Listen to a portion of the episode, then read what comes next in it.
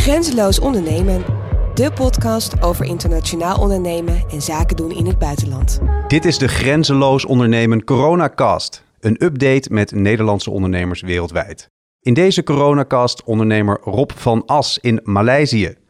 Rob is managing director van Paak Asia Pacific in Kuala Lumpur. Hoi Rob.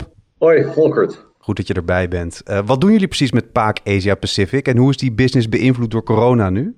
Nou, Paak Asia Pacific maakt industrieel afvalwater schoon. En dat doen we met behulp van Nederlandse biotechnologie. Biotechnologie die ooit aan de Universiteit Wageningen onder andere en later ook Delft is, is ontwikkeld. Dus uh, de, problemen, de afvalwaterproblemen uit industrieën lossen wij op en dat doen we in de hele regio.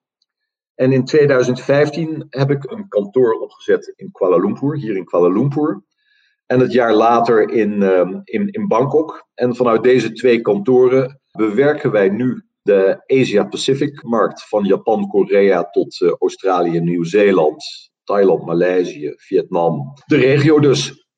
En uh, ja, COVID. COVID is natuurlijk een ding, want we kunnen niet reizen regionaal. Nee. En dat betekent dat, dat we uh, onze klanten eigenlijk niet live kunnen zien. En tot wat voor problemen leidt dat? Kan je daardoor bijvoorbeeld uh, niet uh, zo snel groeien als je zou willen met het bedrijf op dit moment?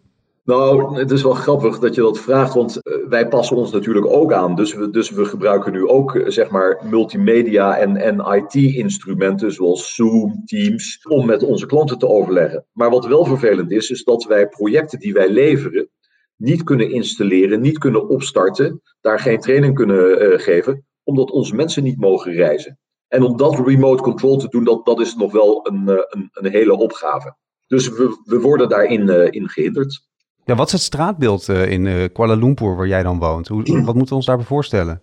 Het straatbeeld is, is eigenlijk bijna terug naar normaal. En dat, dat komt ook omdat het aantal COVID-gevallen per dag of per week vele malen lager ligt dan in Nederland.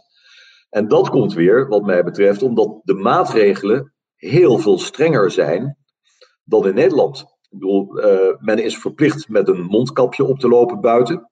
Geen mondkapje op betekent een boete. Mensen hebben een app op hun telefoon waarmee ze moeten inchecken als je bijvoorbeeld een supermarkt of een andere winkel binnen uh, gaat. Overal wordt je temperatuur gemeten. En kom je nu naar Maleisië toe, dan ga je verplicht in quarantaine in een hotel. En daar kom je ook als je negatief bent getest.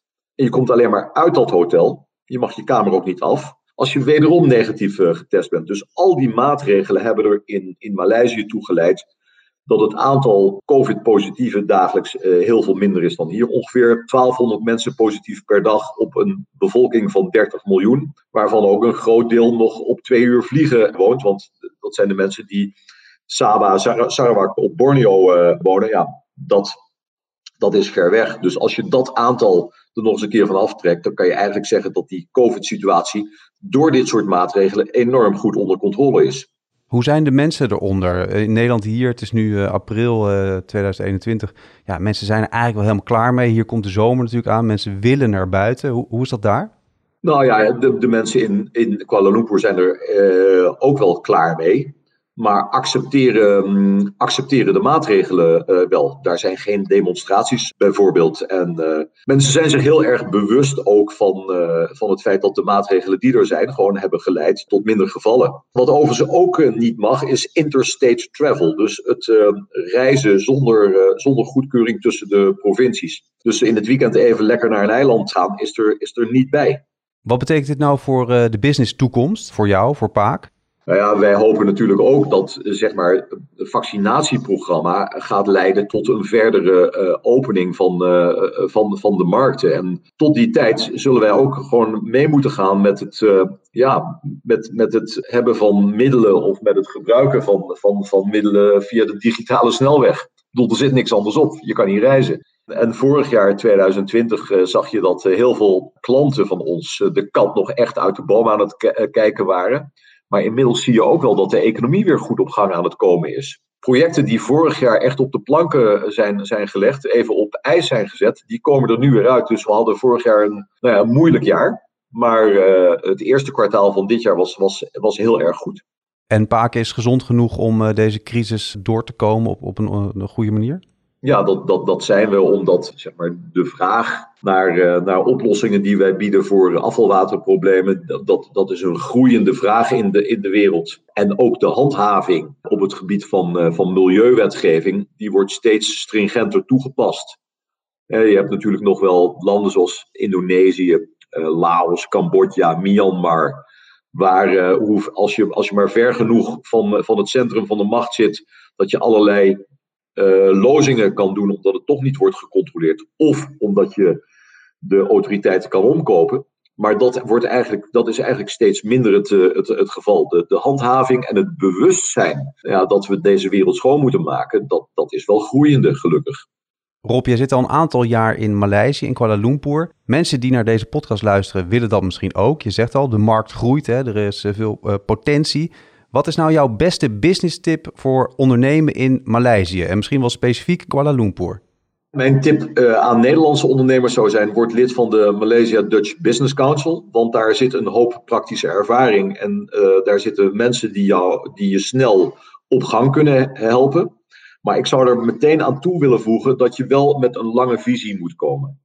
De tijd van quick wins, die, die is over je moet je kunnen onderscheiden en je moet echt wel wat te bieden hebben. En je moet bereid zijn om, om te investeren, want je moet daar echt tijd voor, uh, voor, voor uittrekken.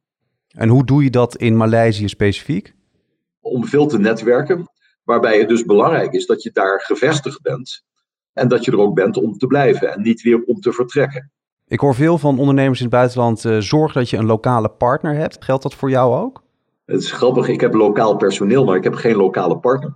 Ik werk overigens wel samen met lokale partijen. Maar ik heb niet één specifieke lokale partner. Nee, die heb ik niet. Scheelt het dat jij mensen uit Maleisië in je bedrijf hebt en met uh, mensen daar samenwerkt? Zonder meer. Je kan, je kan eigenlijk niet zonder. En dan is Maleisië ook nog een hele pluriforme samenleving. Waarbij je niet alleen te maken hebt met de Maleisiërs. Maar ook met de Chinese Maleisiërs en met de Indiase Maleisiërs. En dat, dat maakt het wat, wat complexer. Ja, daar, daar moet je wel rekening mee, uh, uh, mee houden. Dus uh, zonder lokale mensen is het, is het gewoon echt heel erg moeilijk. Tot zover deze Grenzeloos Ondernemer Corona-cast. Je hoorde Rob van As in Maleisië. Rob, dankjewel. Heel graag gedaan, Volkert. Bedankt voor het luisteren. Ga naar grenzeloosondernemen.com voor alle coronacasts. Daar vind je nog veel meer internationale podcasts en een hele community van Nederlandse ondernemers wereldwijd.